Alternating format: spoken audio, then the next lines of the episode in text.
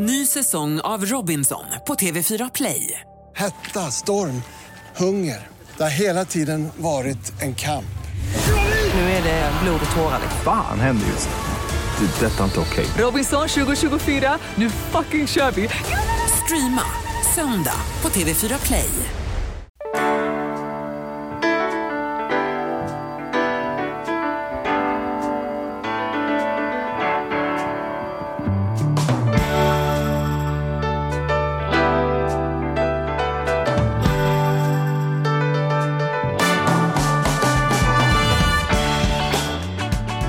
Och välkomna till Ekonomi på riktigt med Charlie här borta och även min vapendragare.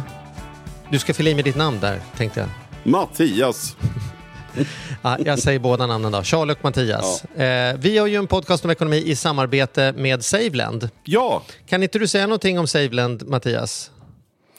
ja men Saveland är en, en, en, ja, men en ny fräsch ett sätt att spara pengar på. Om man vill gå in och spara pengar så, så um, lånar de ut dina pengar och sen så kan du få en, ganska, eller en riktigt bra avkastning på det. Eh, jag tycker också att det är tydligt på deras hemsida, man går in på saveland.se. Eh, alltså inte spara, spara land utan eh, spara låna. Saveland.se.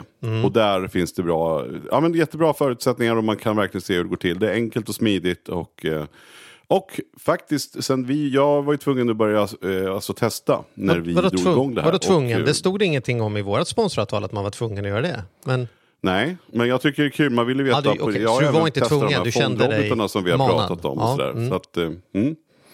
Nej, men, och det, det funkar. Det blir ju kanonbra avkastning. Och eh, hittills ska jag säga. Eh, så jag tycker verkligen att det är värt att, eh, att lägga man... Så här, jag skulle ju inte lägga allt jag har på ett ställe. Det ska Mm. man inte göra generellt sett. Men eh, man kan gå in och börja månadsspara och testa. kul, kul. Du, hur är dagsformen annars då? Ja, men jag tycker att den är jättebra. Mm. Eh, ja, men, ja men bara bra. Jag har ingenting annat. Känner, lite- känner du något här tillbaka här, jag- till verkligheten? Att det liksom, har du fått... Känner du att det börjat... Du brukar säga ibland så här, ja, men nu känns det som att det har börjat komma igång här. Känner du att det har börjat komma igång eller är det fortfarande lite så halvtempo på telefon liksom, eller? Ja, det har, det har inte riktigt det har inte riktigt kommit igång men det börjar göra det och sen så blir jag så matt alla som säger så här, ja men det är så skönt att komma in i rutinerna igen. Det är väl fan ingen skönt, det är väl mycket skönare att vara ledig eh, egentligen. Ja. Men någonstans så ska man väl ändå in i de där rutinerna och nu börjar det ju hända. Jag tycker också att på coronaläget så har det ju verkligen lättat upp sen innan sommaren. Vill säga att är man försiktig och noggrann och håller avstånd och sådär så kan man ju faktiskt ha, man vågar ha fysiska möten eh, så länge man håller sig till de reglerna. Så att jag har haft en hel del utemöten nu redan och börjat kommit igång. Så det känns, ja men jag tycker det känns skönt. Hur, har det varit, hur är det för dig då Charlie? Nej, men jag, jag har väl, jag, tänkte på det där med att komma tillbaka till rutinerna. Jag har inga riktiga rutiner och det har inte jag haft på många år sedan jag slutade ha personal. Så att för mig är det, är det ju, ehm, ja men det är alltid lite så här halvsemester och lite halvjobb. Man har skitmycket ibland, men det kan man ha på semestern också. Man ska fara från den ena träffen till den andra. Så för mig är det liksom ingen riktig lunk eh, någonsin och det passar nog mig ganska bra faktiskt. Att det är verkligen så att ingen dag är den andra lik och ingen vecka är den andra lik. Men det är klart att när skolorna sätter igång då blir det ju lite annorlunda med var man ska sova på nätterna. För då, då behöver man ju få det där att funka och uppgång på morgonen. Jag måste nog erkänna att det fortfarande är så att klockan kanske står på nio och det blir inte kanske förrän 9.30 innan jag pallar mig upp på morgonen. Och så kan jag ju gissa om en månad att det kommer säkert vara två timmar tidigare där som jag pallrar mig upp för det ska iväg till lite skola och grejer och sånt där. Va? Mm. Jo, det är klart. Jo, ja, men om en månad, skolorna börjar ju redan nu. Jo. De har ju redan börjat. Jo, jag vet. Men han är ju så stor så han klarar sig ganska bra. Första månaden brukar han vara motiverad nog att komma upp själv. Sen så när det börjar bli november, vet du, då, där någonstans, då behöver man lägga in lite stödenergi för att komma upp. Liksom, när man själv inte har någon energi. Ja, jag fattar. Ja, Mm. ja, så är det. Men du, nog om oss. Jag tycker vi ska eh, sätta igång med dagens ämne. Det tycker jag också. Mm. Känns ju högaktuellt med tanke på, som du pratade om, att, man, eh, liksom att vi har ändrat våra mötesvanor. Är det någonting som har ändrats så är det också köpvanorna. Att allt mer går på nätet till höger och vänster. Det har blivit en explosion tycker jag med, med, med eh, vanligt folk, om man får uttrycka det så, som helt plötsligt gör en rad saker digitalt som var, kändes som om de var helt otänkbart tidigare. Men med det mm. för, tänker jag också följer ju en del, jag ska säga inte faror, men en del risker i alla fall eftersom allt fler ska göra saker de inte är helt vana vid och inte har stenkoll på hur det funkar. Jag kan ju bara höra på mina föräldrar, eller man ser ju bara på Facebook hur många konstiga meddelanden man får på folk som uppenbarligen har skaffat sig virus genom att trycka på det ena och det andra och det tredje. Min mamma trodde till exempel att pappas telefon fick slut på batterier för han hade så många kontakter lagrade. Så att liksom ibland är ju inte teknikkompetensen riktigt i, i höjd med, med vad det är för någonting som, som vi ska göra. Så vi tänkte råda lite bot på en del av de fördomarna i planen eftersom vi har bjudit in Peter från Mastercard idag. Välkommen!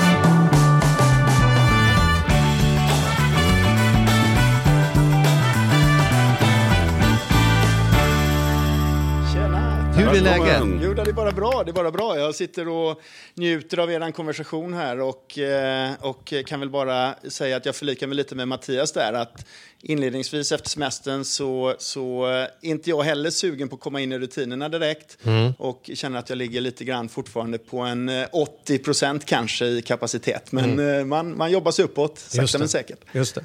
Känner du igen mm. den här problembeskrivningen att, att vi gör otroligt mycket mer digitalt, vi köper mer digitalt, betalar digitalt, men, men att det går ganska mycket myter och eh, eller en väldigt ojämn kompetensnivå kring vad man borde göra och inte göra och tillåta och så. Absolut är det så. Alltså det ser vi ganska generellt, men just när du pratar om eh, nu det förändrade beteendet vi ser i, i, i anslutning till eh, covid-19 här, så först så ser vi ju att det är en stark förskjutning från fysisk handel till e-handel. Mm. Och eh, någon gång tidigare här under försommaren så var faktiskt våra e-handelsvolymer för första gången någonsin tror jag större än Eh, de volymerna vi typiskt ser i, i, i fysisk handel. Mm -hmm. Så att eh, absolut så ser vi en stor förskjutning där och, och också en, en, en breddning av de målgrupper och de personer som normalt sett inte kanske handlar online och, och använder internet som nu helt plötsligt har nästan tvingats till att göra det. Inte mm. bara betalningar utan även allt ifrån fakturahantering och allt sånt där som också nu måste ske över nätet. Jag tycker själv mm. att det är lite klurigt det här med, med betalningar på nätet. Vi ska prata lite om betalningar på ja. nätet och säkerhet och sådana saker. Att, ehm, Alltså när jag började, fick en egen ekonomi och flyttade hemifrån, då var det väldigt enkelt och naturligt att förstå när betalningen skedde och, och, när pengarna lämnade mig och hamnade någon annanstans. Jag gick fram till disken, lämnade godispaketet och så sa han det blir 22 kronor. Sträckte jag fram 30, fick växel på 8. Liksom den transaktionen var väldigt tydlig och enkel. Idag så är det ju inte eh, så jäkla lätt att förstå alltid hur, hur var är pengarna och när är de? Och är de på ett eller två ställen samtidigt? Jag tänker, er verksamhet är väl precis det. Jag betalar men de får inte pengarna och det, men ändå kan jag säga att ni inte ska betala fast jag redan har betalt. Och, alltså så här, Ja, men det, och det, är väl, det är väl liksom det som är egentligen vårt löfte. Att, eh, delvis så vill vi ta bort den huvudverken för konsumenten. Konsumenten ska ju egentligen veta att när du har använt en kortbetalning över nätet så ska handlaren känna sig komfortabel att jag kommer få betalt förr mm. eller senare. Sen när pengarna fysiskt landar på handlarens konto, eh, det behöver man egentligen inte bry sig så mycket om som, som konsument. Utan eh, eh de ska veta att de får sina pengar och du som konsument ska veta att du naturligtvis i slutändan får vad du nu har, har köpt. Att betala Men, via ett kort ska liksom vara lika säkert som att släppa över kontanterna? absolut, sätt, liksom. absolut ska det vara det. Ja, shoot Mattias. Men då måste jag ändå fråga, jag måste ändå bara passa på att fråga, för det är inte det vi ska prata om, men det är ändå, tror jag, många som undrar. För man tänker ju en sådana som er då, Mastercard, det finns andra alternativ som ja, men Visa, American Express och alla sådana här kort, Klarna. Och då undrar man just där, var, var, var tjänar ni era pengar? För att om jag köper en vara på ICA via ert kort så om, om vita bönor-burken kostar 19 kronor så dras det ju 19 kronor från mitt konto. Eh, hur, kan inte du enkelt berätta hur, hur er affärsmodell ser ut? Absolut. Eh, väldigt enkelt så är det som så att konsumenten betalar till handlaren. Så handlaren får 19 kronor, konsumenten betalar 19 kronor. Eh, sen har vi en liten avgift som kallas mellanbanksavgifter på svenska. Som är där eh, den bank som arbetar med handlaren för över en liten summa pengar till den banken som har gett ut kortet till mig som konsument. Och tre, så tar Mastercard en liten avgift eh, för att flytta transaktionen mellan de här två parterna. Då. Så att där är egentligen hela eh, 19 kronor går oavkortat till handlaren och dras oavkortat från konsumentens konto. En liten avgift förs från den banken som jobbar med handlaren som har en tjänst som möjliggör bra försäljning och flyttas över till den banken som eh, Eh, ger ut ett kort eller tillgodoser en kund med, med krediter eller access till deras eh, lönekonto eller vad det nu är för, för eh, kort de väljer att betala med. Och en liten del går till oss. Men hur stor skillnad är det då? Om jag hade varit handlare nu och om jag säljer en vara, om jag säljer de här bönorna då, kontant eller om, om de frågar mig i kassan, vill du betala med kort eller kontant? Ja. Hur mycket skiljer det i deras liksom, eh, slutvärde de har betalat? Hur mycket av 19 kronor går åt liksom, i deras affär? Ja, det, är, det, är, det, är en, det är en svår fråga, men man kan väl säga så här att absolut. Eh, är du en stor eh, eh, väldig eh, mathandlare här i Sverige Mm. så är det en väldigt liten del som du normalt sett betalar. Men är det en krona av 19 eller är det 19 Nej, jag skulle öre säga av att det är 19 någon, eller ett någon öre av 19? under en procent i många Ja, fall. ja. Eh, som, som, som, går, som går, som de betalar så att säga en handlaravgift till, till, till sin bank för Mm. att tillhandahålla och ha den tjänsten. Men of- ofta är det här någonting som stora aktörer, precis som med så mycket annat, stora aktörer förhandlar till sig väldigt bra priser Mm. och mindre aktörer förhandlar till sig förmodligen lite sämre priser. Och sen har det också ofta lite grann i vilken typ av eh, industri eller eh, vad man handlar med. Eh, jobbar man till exempel med mat och dagligvaruhandel och sånt där och handlar eh, för all del också online eh, så är det oftast lite lägre risk i den typen av, av köp och sen har du annan typ av av, av handel som, som eh, i vissa fall spel och annat där du har något högre risk och då styrs det, eh, avgifterna utifrån det också. Och sen betalar man väl då som konsument också till sin bank för att ha de här olika korten. Det finns ju olika nivåer också på, på till exempel era kort då. Att man kan ha ett standardkort och man kan ha ett gu- guldkort och man kan ha Exakt. ett platinum och man kan ha ett World Elite-kort till exempel. Exakt. Eh, men men liksom, ni ger, väl aldrig ut några kort utan det gör man via sin bank då så att säga. Om, Exakt. om, det- om banken är ansluten så att säga. Precis, så att både Mastercard och, och Visa har samma eh, affärsmodell ur det perspektivet. Vi ger inte ut kort själva, utan vi är alltid eh, jobbar alltid via banker som antingen eh, ehm, eh, har en handlare eh, som kund eller en bank som har en, en kortinnehavare eller en kund som har ett kort eh, som kund. Då. Så att, så att vår affärsmodell bygger inte på att vi själva ger ut kort utan vi jobbar alltid via de, de, eh, de etablerade bankerna. Men är ni inte sugna att bli bank själva då? Ja, fast vi har haft en så framgångsrik affärsmodell som har funkat sedan eh, 60-talet någonstans. Utvecklats enormt från du vet, papperslappar med, med, med signatur och så vidare. Att eh, det gör att vi kan hålla en ganska effektiv infrastruktur och vi kan försöka hålla nere kostnader så mycket som möjligt genom att vi jobbar genom ett ganska stort nätverk. Mm. Ska man ha en hel försäljningsinfrastruktur som ska ta hand om alla handlare som man ska signa upp och, och, och, ha, eh, och acceptera ens produkter så kräver det en helt annan eh, personal och, och infrastruktur som, som vi har bedömt att det är absolut bättre att, att, att låta bankerna hantera helt enkelt. Mm. Men- Och en annan grej, jag måste ändå, nu vi ändå pratar om just det då på Mastercard, för det är, ju- det är också en sån fråga som vi får väldigt ofta, det här att när man till exempel köper sin resa, handlar man med sitt kreditkort så har man en försäkring som ingår eh, och då behöver man inte ha någon annan försäkring. Det här är jag själv, jag tänker alltid själv sådär när jag också köper någonting eller om man köper en resa. Eh, jaha, har jag den här försäkringen nu eller åker jag dubbelförsäkrad? Eller hur, hur ska man göra och tänka? Va, har, du något, har du något enkelt svar på den? Hur kan, man, hur kan man veta vad som ingår om man handlar med sitt Mastercard? Precis. Eh, lite grann det som ingår i produkten är oftast beroende på vad den banken som ger ut kortet har valt att, och, och paketera in som värde i den produkten du har. Du har. Och, och mm. likadant där, precis som du nämner, det finns standard, det finns guldkort, det finns eh, svarta kort och det finns alla möjliga olika typer av kort. Så är det ofta, eh, kan det skilja sig lite grann däremellan vad banken har valt att, att paketera in för erbjudande till dig som kund. Eh, ja, och mitt, mitt tips är alltid att man går in och tittar. Har man ett kort från en av bankerna här i Sverige så gå in och titta på bankens hemsida alltid så presenterar de där eh, vad de har för olika typer av kort och vad som ingår i produkten. Och generellt sett, eh, men jag uppmanar ändå alla att dubbelkolla eh, eh på och med sin bank.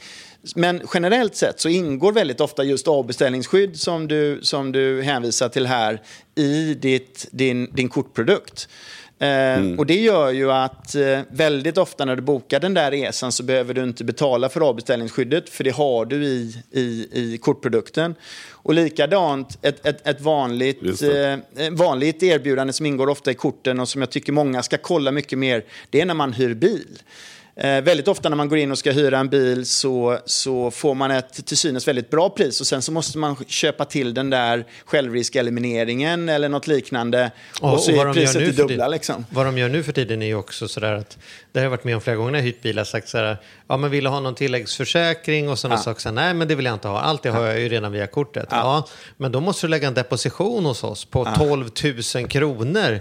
Så sätter vi tillbaka på ditt konto och lämnar tillbaka bilen. Och då behöver du ha ett, nej det kan vi inte ta på kort. Alltså, såhär. Man gör det så pass, alltså, låser upp massa pengar som jag dessutom inte kan använda mitt kort till, utan mer eller mindre behöver komma med kontant för. Men det är klart, om den är helförsäkrad, då behöver du inte göra det, för då vet vi att vi tar allt i alla fall. Så det, det är, lite, det är mycket ruffel och båg, tycker jag, ja, biluthyrningssidan. Ja, jag känner inte till exemplet som du nämner, men, men däremot så är det ju så naturligtvis att, och jag kan ju, eh, ska jag ju ärligt snabbt säga, inte affärsmodellerna för hyrbilsbolag eller, mm eller många av resebolagen. Men vad jag vet är ju att naturligtvis är det en bra eh, inkomst för ett resebolag att sälja med en försäkring, mm. precis mm. som för, eh, för handlaren som säljer eh, tv-apparater eller vad du vill, att du köper till en försäkring där, eller hyrbilsföretaget, mm. att du har en mm. försäkring där. Så att, jag är inte jätteöverraskad naturligtvis att de försöker sälja sina lösningar och, och, och tjäna pengar. Det...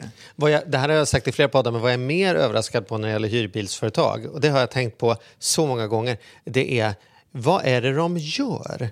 För man, jag har gått in på nätet, jag har skickat mitt körkort, jag har sagt exakt vilken bil jag har, ja. vilken tid jag ska hämta. Men när man kommer fram till den här disken, då är det ändå 20 minuter de står där och knappar på datorn och ja. håller på att fippla. vad, vad, är det de, vad är det de skriver och klickar och fixar? Det borde ju bara vara som ett hotellrum. Ja visst, det är bokat din bil här. Här är nyckeln, lycka till. Men ja, det är en jävla tid. Och man, jag har aldrig kunnat fråga, för det låter ju som om man klagar. Man säger, ursäkta, vad har, ni, vad har vi gjort nu en kvart? Stått och stirrat på dig när du har knappat saker. Spelar du Tetris eller? Men det låter ju som kritik. man får aldrig riktigt fråga, den bilen men... heller som man har beställt Nej, från första början. Utan man får det. en liknande bil. Man får det är de noga med att poängtera också. Just det. Just ja. det. Du kan få en ännu finare bil här om du vill. Eller? Ja, nåväl.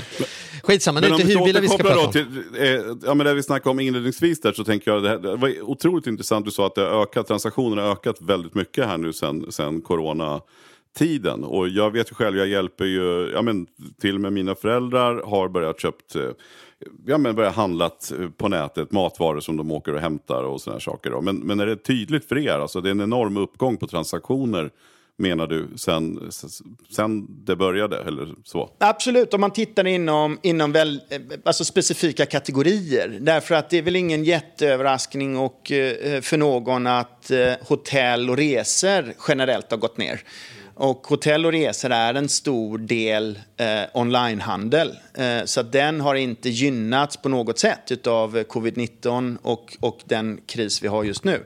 Eh, däremot när man tittar på på matförsäljning eh, och sånt över nätet och även kategorier do it yourself, eh, Bauhaus och Byggmax och alla de här så ser vi ökningar. Eh, och de ökningarna kommer ju, utan att vi har gjort en djupare analys av det, men kommer ut, utifrån två aspekter. Det ena är ju att mycket har förflyttats från den fysiska handeln in i e-handel. Eh, sådana som kanske vi som som tidigare tyckte det var helt okej okay att åka upp till, eh, till mataffären och, och, köpa vad man nu skulle ha, väljer att hellre göra det över nätet. Eh, och sedan så har du precis, Mattias, till din poäng, att eh, eh, det finns många äldre som kanske ännu mer har suttit isolerade än vad, vad, vad, vad gemene man har gjort eh, som nu tvingas att ha då tagit det här lite teknikhoppet då att göra eh, köp över nätet med allt ifrån vad det innebär med mobilt bank-id som behöver signas upp och, och, och, att man behöver förstå och inte bli lurad. För, för det är också en ökning som vi har sett då, försök till bedrägerier eh, just eh, på Men ska vi, ska vi komma in på det då? För säkerhet var ju ändå liksom grundbasen här. Va, när du ser att bedrägerierna ökar, hur, hur ser det ut? Vad, vad borde jag liksom vara lite skeptisk till eller varna mamma för? Hur, hur ser det ut när man blir lurad på nätet då? Ja, jag ska nog eh, börja med att säga att vi faktiskt inte ser att, att eh, de falska transaktioner som, som vi normalt ser, de ligger ungefär på samma nivåer och kanske till och med lite lägre. Och det kan också ha med att folk har utbildat sig själva i Mm. att handla på nätet och därför är lite mer försiktiga. Men naturligtvis det som ofta händer, och jag tror att alla som håller på med sociala medier och liknande man hela tiden exponeras för bolag som vill sälja det någonting till ett pris som eh, kanske är många gånger så lågt att det är för bra för att vara sant. Men man testar eh, och, och eh, handlar vad det nu är. Och i slutändan sen så får man ingenting eh, utav det man har beställt. Eller man får någonting som är väldigt annorlunda än det man har beställt. Eh, Det är väl så som jag eh, ser det vanligaste. Om man nu vad gör man då? då? För att jag måste erkänna att jag tillhör den kategorin som har gjort så. Man sitter där och rullar på Facebook och så kommer det upp några skor eller några, liksom i mitt fall västar som bara så här, det är så jädra snyggt liksom. Ja, och så ja. går man in och allting ser så himla fint och bra och alla omdömen är bra. Och sen så kommer det tre månader senare med en container från Kina, något som är fullständigt vedervärdigt som man inte ens kan förstå hur den där bilden på något sätt skulle kunna ha någonting med det att göra. Ja. Men då är jag ju så dålig så då, då orkar ju inte jag. Hålla på och ringa er och säga så här, håll nu fan min betalning här för det här är skit. Eller gå till konsument. Alltså så här, det blir ju som att jag, eh, lite som att blivit utsatt från ett bort, att det är jag som skäms och tänker så här, ja, det hade jag väl kunnat lista ut och så, så gömmer jag det längst in i garderoben och låtsas som jag aldrig har köpt det. Det måste ju vara miljarder som liksom går till att folk inte får något annat än det de tror att de har köpt, men inte, men inte gör något. Ja, men abs- absolut, jag håller med dig. Och, och, och där tror jag det finns en utmaning som kanske egentligen inte tangerar oss eh, inom eh, betalningsbolagen så mycket. För att där hamnar man ju naturligtvis omedelbart i en diskussion huruvida det egentligen var det här du hade köpt och vem har rätt här? Är det säljaren eller är det köparen? Och vi sa inte att den här drönaren skulle kunna göra det här och det här utan eh, eh, det var den här lilla plastprylen. Och det där är ett exempel som jag själv var när jag köpte en drönare på det sättet. Då. Eh, så där tror jag egentligen man får hänvisa till, till andra typer av lokal lagstiftning vad gäller handel just. Eh, än, än där man egentligen får en vara som man kanske anser då defekt eller då inte lever upp till det som Men vad kan ni göra då? När skulle jag, när skulle jag kontakta dig och säga så här, nu, nu får du Mastercard, nu har jag ju använt ert kort när jag betalade det här. Absolut. Och nu ska ni få jobba lite för de pengarna. Absolut, Nej, men då, det gör vi gärna. Men, eh, så det som jag tror att vi, om vi tar det exemplet, det första exemplet där du har fått en vara som du inte är nöjd med. Och, eh, så att steg ett där tycker jag är att alla bolag som man handlar utav gäller att veta vem det är man handlar av. Eh, finns det ett bolag där jag kan ha en, en, en viss kommunikation med? Finns det ett bolag i bakändan där jag faktiskt kan skicka tillbaka en vara som då är defekt? För det är väl naturligtvis det logiska då att jag, jag, jag vill skicka tillbaka den här varan eh, men jag vill heller inte betala för den. Och vad är då möjligheten att kunna göra det? Det tycker jag är en viktig bit när man köper hos den här typen av handlare där man kanske kan ana redan från början att jag håller tummarna att detta är någonting som jag faktiskt sen i slutändan vill ha. Eh, sedan när det kommer till att få tillbaka sina pengar så har vi eh, tillsammans med alla banker något som vi kallar chargeback. Det vill säga att som konsument så kontaktar man sin bank och gör där en, en, en, en begäran hos dem där man säger att jag har nu handlat hos den här eh, eh, handlaren på ett eller annat sätt och jag har eh, inte nöjd med varan och tänker därför inte betala den här varan och har skickat tillbaka den. Och då gör banken så att de kommer kräva tillbaka pengar eller hålla inne den betalningen mot den bank som ansvarar för den här handlaren. Och där tillgodoser Mastercard ett system som egentligen hanterar den här typen av frågor mellan banker och i förlängningen handlare och konsumenter eh, som gör att eh, de kan lösa det mellan sig. Så banken kan säga till sin konsument, oroa dig inte, eh, du kommer inte betala den här varan. Vi tar upp det med den banken via Mastercard som har eh, handlaren på andra sidan. Och om vi dessutom upptäcker att detta är på gränsen till vad man då skulle eh, säga bedrägligt så kan vi ta tag i den banken som har den här handlaren och helt enkelt begära av dem att de inte ska acceptera eh, kort hos, hos den här handlaren. Mm. Mm. Så att, så att eh, den infrastrukturen finns för bankerna att kunna lösa det här emellan sig. Så. Och, och fördelen med att vi har just bankerna i infrastrukturen gör också att vi har en väldigt bra relation via bankerna till de här olika handlarna. Eh, därför att banken har i sin tur ett avtal med dem. Så att eh, det finns alla möjligheter där för oss att, att agera. Men framför allt se till att konsumenten inte betalar alternativt får tillbaka sina pengar. Men då undrar jag en, en, en, annan sak då. För att vi är ju så här, framförallt Charlie och jag i våran roll så har det varit, blivit mycket så att vi inte förespråkar kreditkort. Eh, av, av många skäl så att säga och kanske de mest givna skälen då så att säga. Att man inte ska handla mer och att man sen inte betalar när man måste och sen så räntor. Allt det där, det tror jag alla, alla är med på då. Men givet att man skulle betala eh, i tid, alltså om man, nu, om man nu gjorde det, skötte det där perfekt och om man inte hade något problem med det. Eh, tycker du att man egentligen skulle handla allting på kredit för att man inte för att man har en, en, en tidsfrist emellan att man har handlat, man hinner kontrollera varan innan man betalar den? Eller känner du att det, i den aspekten spelar det ingen roll för att man har samma trygghet via bank och i förlängning kortföretaget ändå? Jag, jag tycker ju av, av eh, eh egentligen den, eh, delvis den anledningen du nämner att man, man ska använda. Sen är det ju kredit är inte alltid kredit, eh, utan det finns många eh, produkter där du eh, egentligen måste betala hela summan i slutet på månaden. Eh, mm. Det vill mm. säga att du har inte ens en möjlighet att välja att, att, eh, att betala en delsumma utan du betalar hela den räkningen i slutet på månaden. Eh, och har man den eh, disciplinen och har man den eh, strukturen så tycker jag att då handlar man på kredit. För vad i praktiken händer då det är att din bank går in och betalar för dig Eh, till, till eh, den, den, andra banken som har handlaren. Så att banken har då eh, gjort en, en överföring där. Eh, du har ju alla de eh, avtal du har med din bank, det vill säga att du ska betala hela fakturan 30 dagar efter att fakturan har kommit, vilket i praktiken kan innebära 45 dagar eh, egentligen.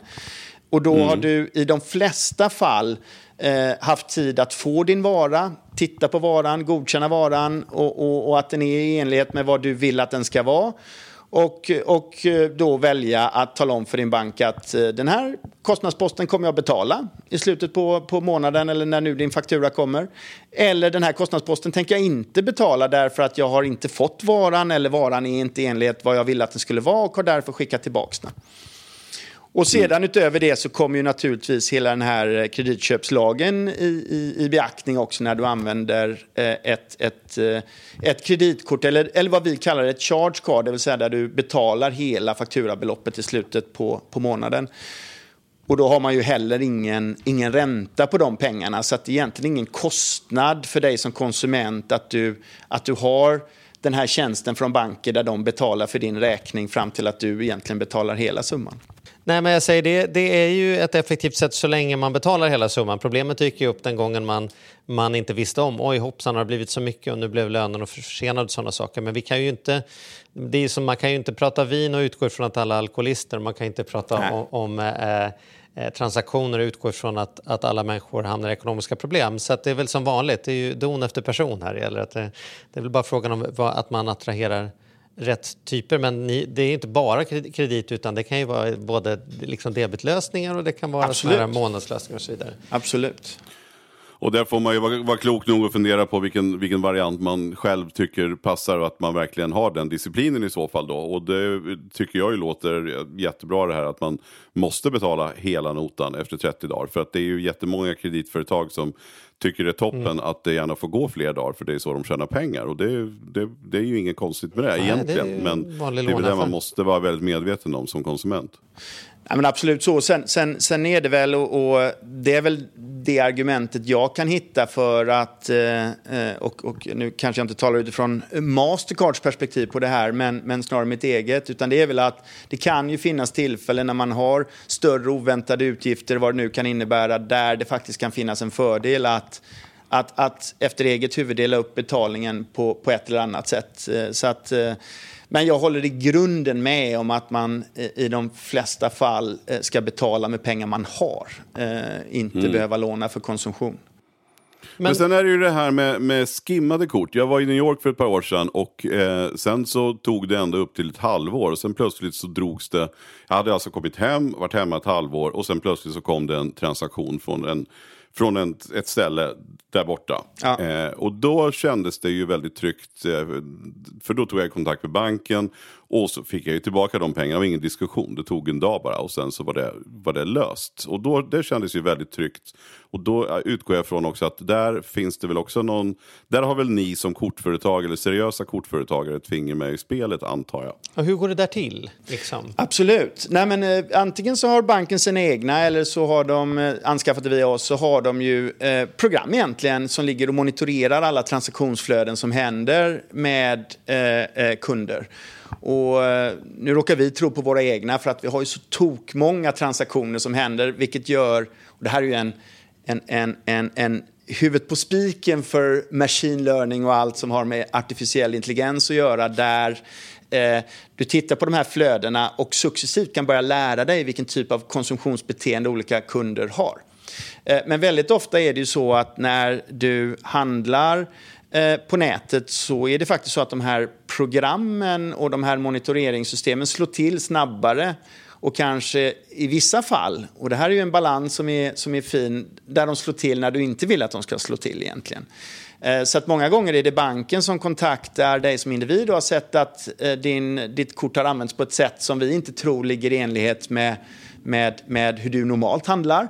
Eh, och därför så eh, kommer vi nu blocka, dig, eh, blocka ditt kort och skicka dig ett nytt. Så väldigt ofta händer det till och med innan konsumenten själv mm. är medveten om att det händer. Mm. Och, och sedan så har numera de flesta också, just när det kommer till e-handel, de har så kallade spindlar som är ute på, på nätet och hela tiden checkar av om kortnummer och kortserier eventuellt då ska finnas ute på nätet någonstans till försäljning eller vad det nu kan vara. Så att så att även där så kan man väldigt proaktivt arbeta med att se till att eh, ens, ens kunders konton och kort inte finns eh, ute ut i, men, på internet men någonstans. Vem är ansvarig? Om jag har ett, ett eh, Mastercard, säger vi, ja. eh, och det dras saker på det som jag inte har jag har inte stått där och petat in någon pinkod, jag har inte skrivit under utan det dyker upp någonting där.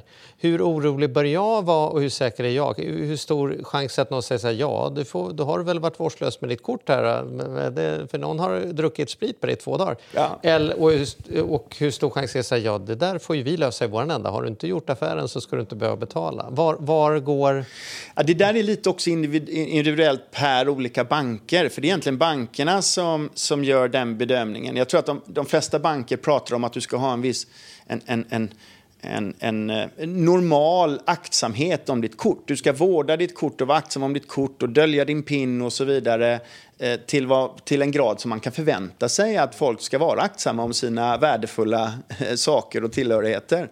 Så att jag skulle säga att i, i majoriteten av alla den typen av fall eh, och du inte kan påvisa en explicit oaktsamhet hos kunden så får du tillbaka sina pengar av din bank. Mm. Eh, och, och återigen, finns det en bank i andra änden som, som din bank kan, kan kräva tillbaka pengar av, då hanterar vi det. Gör det inte det, eh, vilket är ovanligt, men det skulle kunna hända att kortet har snappats upp på vägen på något sätt, så, så, så brukar bankerna i nästan alla fall stå för den typen av kostnader. Hur långt efteråt kan, kan man med er hjälp eh, få pengarna tillbaka. Det är ju lite som att jag ger dig pengarna i affären men att det sitter en fiskelina så jag kan, eller ni kan, rycka tillbaka ja. dem. Eh, är, det, är det inom 30 dagar eller skulle det teoretiskt kunna vara ett år bort i tiden. Ja, alltså för dig Alltså- som konsument så, så tror jag att om du upptäcker att det har hänt något på ditt kort som du bedömer rikt, för riktigt länge sedan så, så har du alltid ett case. Ja. Eh, då har du alltid en möjlighet att få tillbaka dina pengar. Just Eh, det. Så det finns har in- ingenting med att i och med att jag har betalt min kreditkortsräkning så har jag liksom godkänt allt som Nej, där nej, det ligger. nej liksom, utan- så är det inte. Så är det inte utan, utan egentligen så är grundförutsättningarna för att du ska ha betalt och, och fått en vara i enlighet med vad du eh, förväntar att den ska vara.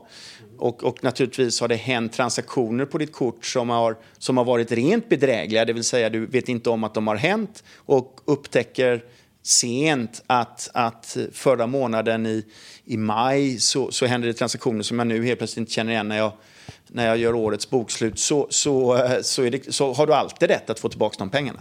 Just det. Just det. Du pratade om att det ska vara att man ska, när man handlar på ställen som man tänker att det kan vara för bra för att sant eller tveksamt. Vad gör du själv för, för bedömning?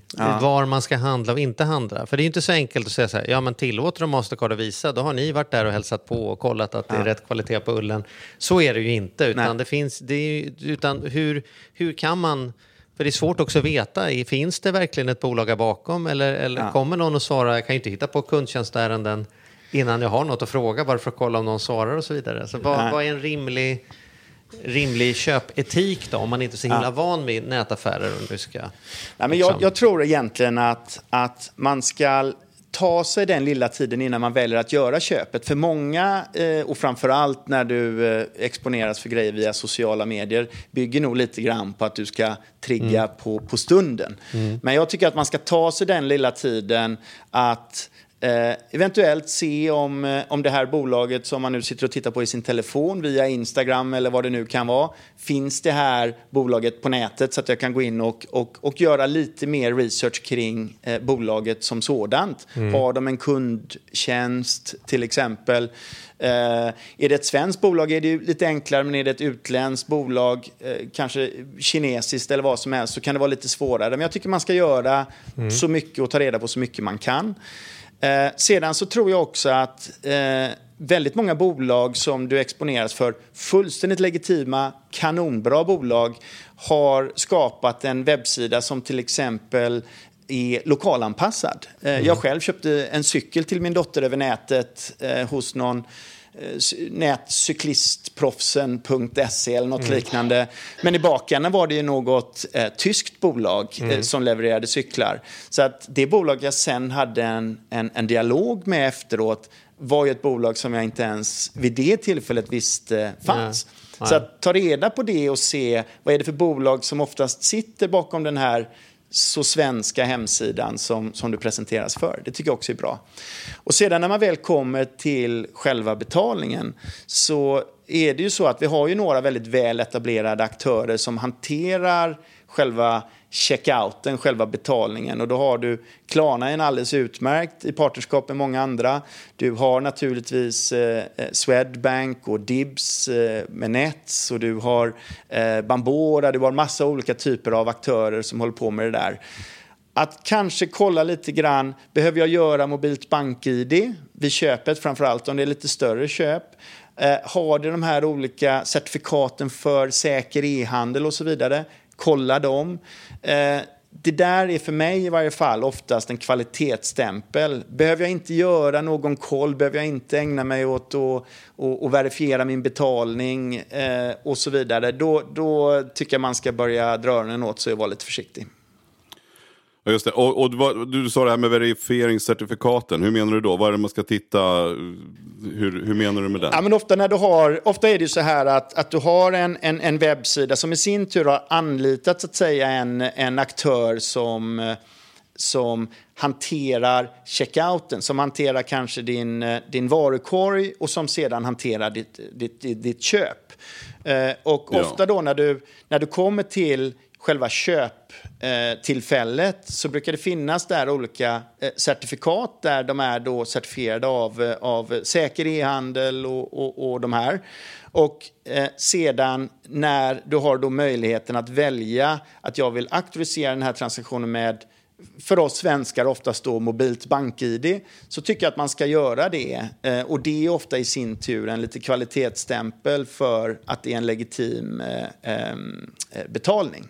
Och Ja, därmed det. Så, en så, legitim så, så om handel. det är BankID så har BankID godkänt dem som, som, som certifikat så att säga. Så då, då kan man känna sig ganska trygg. Exakt, då har du tillsammans med det som vi kallar Payment Service Provider, men typ en, en, en Klarna eller en eh, Dibs, eh, Nets, Bambora, då har du en, en, en, en kvalitetsstämpel som någonstans säger att här finns ett avtal med mobilt bank-id. Här finns för mig som konsument möjlighet att, att eh, eh, auktorisera den här transaktionen och därmed är, är också handlaren. För det är ju eh, banken, den här bankens eh, skyldighet att se till att de har legitima handlare eh, i mesta möjliga mån naturligtvis, så länge de kan, så mycket de kan kontrollera. Och är det så att man missköter Mm. sina affärer och får tillräckligt många som vill dra tillbaka och klagar, då, då säger banken, vet du vad, vi kan inte vara service till dina betalningar längre. Absolut, så är det. Och där har vi eh, ett, ett, ett system där vi försöker hålla så mycket disciplin på bankerna som möjligt genom just att om det blir eh, för mycket av den här typen av kunder som vill ha tillbaka sina pengar så, så, eh, så, så tar vi kanske banken i örat lite grann kan man väl säga. Men en annan grej då, du, som, nu, det förstår jag att det är någonting jag ska ta med min bank. Men jag var ju lite, jag, det är ju ofta det här också, så här, vilket kreditkort man ska ha. Och att du representerar Mastercard är ju inte oklart. Så att, så att, men, om, om, men, men om du skulle försöka ändå sätta på dig någon sån här oberoende hatt då? För jag tänker ändå tidigare när jag köpte, eh, för då vart jag liksom, jag har, har två kort, jag har ett, ett, ett kreditkort och jag har ett bankkort då, som, som det dras direkt. Och jag tycker själv att det är liksom bara rent mentalt skönt att använda bankkortet därför att det dras direkt. Eh, och sen är det klart. Men innan det så, så var det så att på mitt kreditkort så fick jag ju lite fonder i, alltså precis som ett SAS-kort där man kan få poäng eller det finns ju andra flyg, ja men så här, det finns ju en rad med kort där ute. Och alla erbjuder olika saker. Men men eh, hos, hos min bank då som råkar också använda Mastercard så var det ju slut på de här förmånerna. Det vill säga att jag fick inga fonder extra för jag handlade eller inga extra poäng. Eh, och då är frågan om vad ska man ha för? Vad, vad har du själv liksom? Är det banken man ska bråka på eller varför kommer ni inte upp med bättre grejer när man använder era kort? Ja, ja men egentligen så, så, så tror jag att man ska ut och göra lite sin hemläxa där också eh, utan att överkomplicera grejer. Men det finns lite sådana här jämförelsesajter, eh, jämförelsesajter där man kan gå ut och titta eh, vad, vilket kort är, är, är bäst för mig. Eh, För lite grann är det trots allt så att olika kort är bra vid olika tillfällen och, och eh, vissa kort har fokuserat väldigt hårt på hela eh, reseupplevelsen. Så att för en relativt eh, bra, eh, eller något, mm, eh, inte en alltför farlig ökning av din månadskostnad, din kortkostnad per, per, per år, eh, den alltså du betalar till din bank, så kan du till exempel få accesser till Priority Pass eller du kan få extra bra försäkringar eller du kan få sådana här eh, och så vidare och så vidare. Så jag tror att man ska titta lite grann på vad det är för behov man har. Och, och vissa banker eh, som ställer ut kort konkurrerar ju att de inte har ett valutapåslag till exempel vid utlandsköp. Eh, vissa banker är väldigt transparenta så att varje gång det har hänt en, trans en transaktion på ditt kort så får du ett pushmeddelande i din telefon. Och framförallt vid e-handel är ju det fantastiskt. För då ser du direkt, här har hänt en transaktion, det är en transaktion som jag känner igen och som jag faktiskt har gjort. Och det är inte en transaktion som, som eh, har hänt utan min vetskap. Och, och, och det skapar en tydlighet för dig själv. Så att jag, jag tror man får gå ut och kika lite grann. Eh, för det finns nog inget, inget kort som är bäst om man nu säger så, utan eh, de är bra vid olika tillfällen. Dessutom har de en tendens Mm. att variera hur bra de är. Det är min upplevelse att rätt vad det är sitter något bensinbolag och säger nej nu jäklar måste vi ha fler kortkunder här och så ger man helt plötsligt 2% på insatta pengar och man ger 2% tillbaka och du får 15 öre billigare bensin. Men sen ett år senare då har liksom de, de, alla de där kunderna man fick, då har de där villkoren tagits bort och då helt plötsligt är det på möbelföretaget man borde ha. Eller så rätt vad det är, så efter det nästa runda, ja då är det på resebyrån, man, alltså så här, flygbolaget. Så det är lite så där som det brukar vara i finansbranschen, att otrohet lönar sig. Att, eh, men då Men måste man ju lära sig en ny jävla pinkod varje år. Då, då. Det, det är faktiskt varit så att jag har suttit och räknat på det och konstaterat att här har jag 150-200 kronor per år att tjäna på att byta kort och konstaterat att fast det inte är värt 200 kronor att ha en ny kod som jag behöver lära mig i livet. Eller Jag, jag, jag, min... jag håller helt med dig och, och, Och jag, jag, tror att det är där lite grann som det är inom elbranschen eller vad du vill. Mm. Att man, man ingår i någonting och, och, och få av oss och läser ju det här finstilta i det här avtalsvillkoret som man, som man naturligtvis får med när man signar upp på kortet. Och gör man det så finns det säkert någonting där som säger att de, de, de förbehåller sig rätten att ändra i, i, mm. i de här villkoren eh, till och från. Jag, tro, jag tror att, att många av de stora bankerna, eh, men också eh, naturligtvis finns det fantastiska lösningar eh, hos, eh, hos mer nya aktörer, eh, typ Revolut eh, och andra, eh, som, som, eh, som, som har väldigt bra erbjudanden och som de faktiskt inte ändrar på. För det, det, är, så de, det är så de vinner och differentierar sig mot, mot, eh, mot massan. Men, men jag tror att man ska, ha, man ska absolut hålla koll på det där. Och, och har man ork, och, och jag har kollegor och, och, till och med vänner som är superproffs på att hela tiden hoppa mellan olika produkter för att mm. Eh, få den bästa eh, bonuspoängen eller vad det nu kan vara. Liksom. Ja, det var lite som vi pratade om när vi poddade om detta, spekulerade själva för någon vecka sedan, att vi konstaterade att det är nog samma grupp människor som förut klippte ut rabattkuponger ur, ur, ur tidningar och grejer. Det är liksom en förflyttning. Det är mer en hobby och det är klart man kan spara lite pengar, men om man räknar tim, timkostnaden på tjänad krona så är det nog högst varierande. Ja, jag, håller, jag håller med dig. Jag håller med dig. Så, att, så är det. Men, men eh, nu då, har du något, liksom slutligen då Peter, har du några bra tips på, eller har du något, ytterligare något tips till konsumenten hur man ska tänka tänka just med säkerhet och nätet och handla och sådär? Har vi någonting vi har glömt? Eh, nej, jag tycker inte det. Och, och, och jag tycker som slutkläm är kanske att, att som konsument så ska man veta att eh, om man gör ganska basic eh, research. Om man känner sig något sånär och har lite koll på att eh, man aktiviserar sin transaktion, man vet att man eh, har att göra med en, en seriös aktör. Om det är, och då pratar vi inte handlaren i sig, utan vi pratar de som tillhandahåller betalningsfunktionaliteten eh, i form av en Adyen eller Klara eller Bambo, eh, Klarna eller Bambora eller en, en, en Dibs eller Nets eller eh, vad det nu kan vara.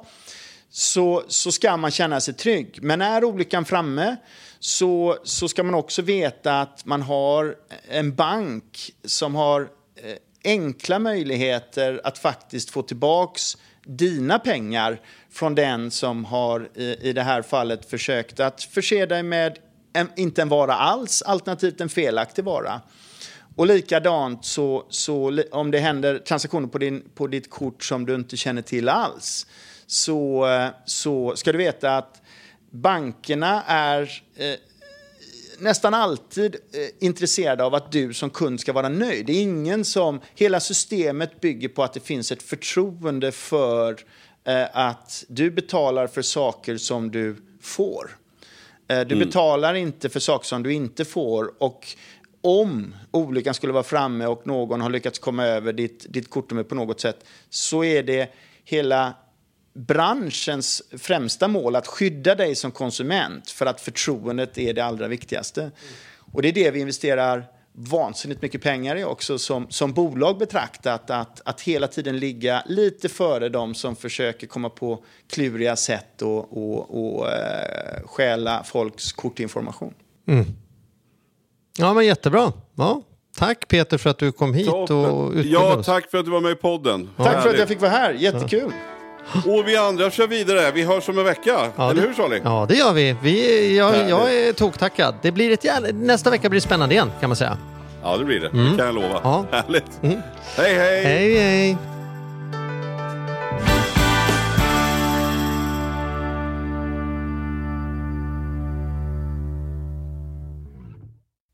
Ny säsong av Robinson på TV4 Play. Hetta, storm, hunger. Det har hela tiden varit en kamp. Nu är det blod och tårar. Fan händer just det. Det är detta inte okej. Okay. Robinson 2024, nu fucking kör vi. Streama söndag på TV4 Play.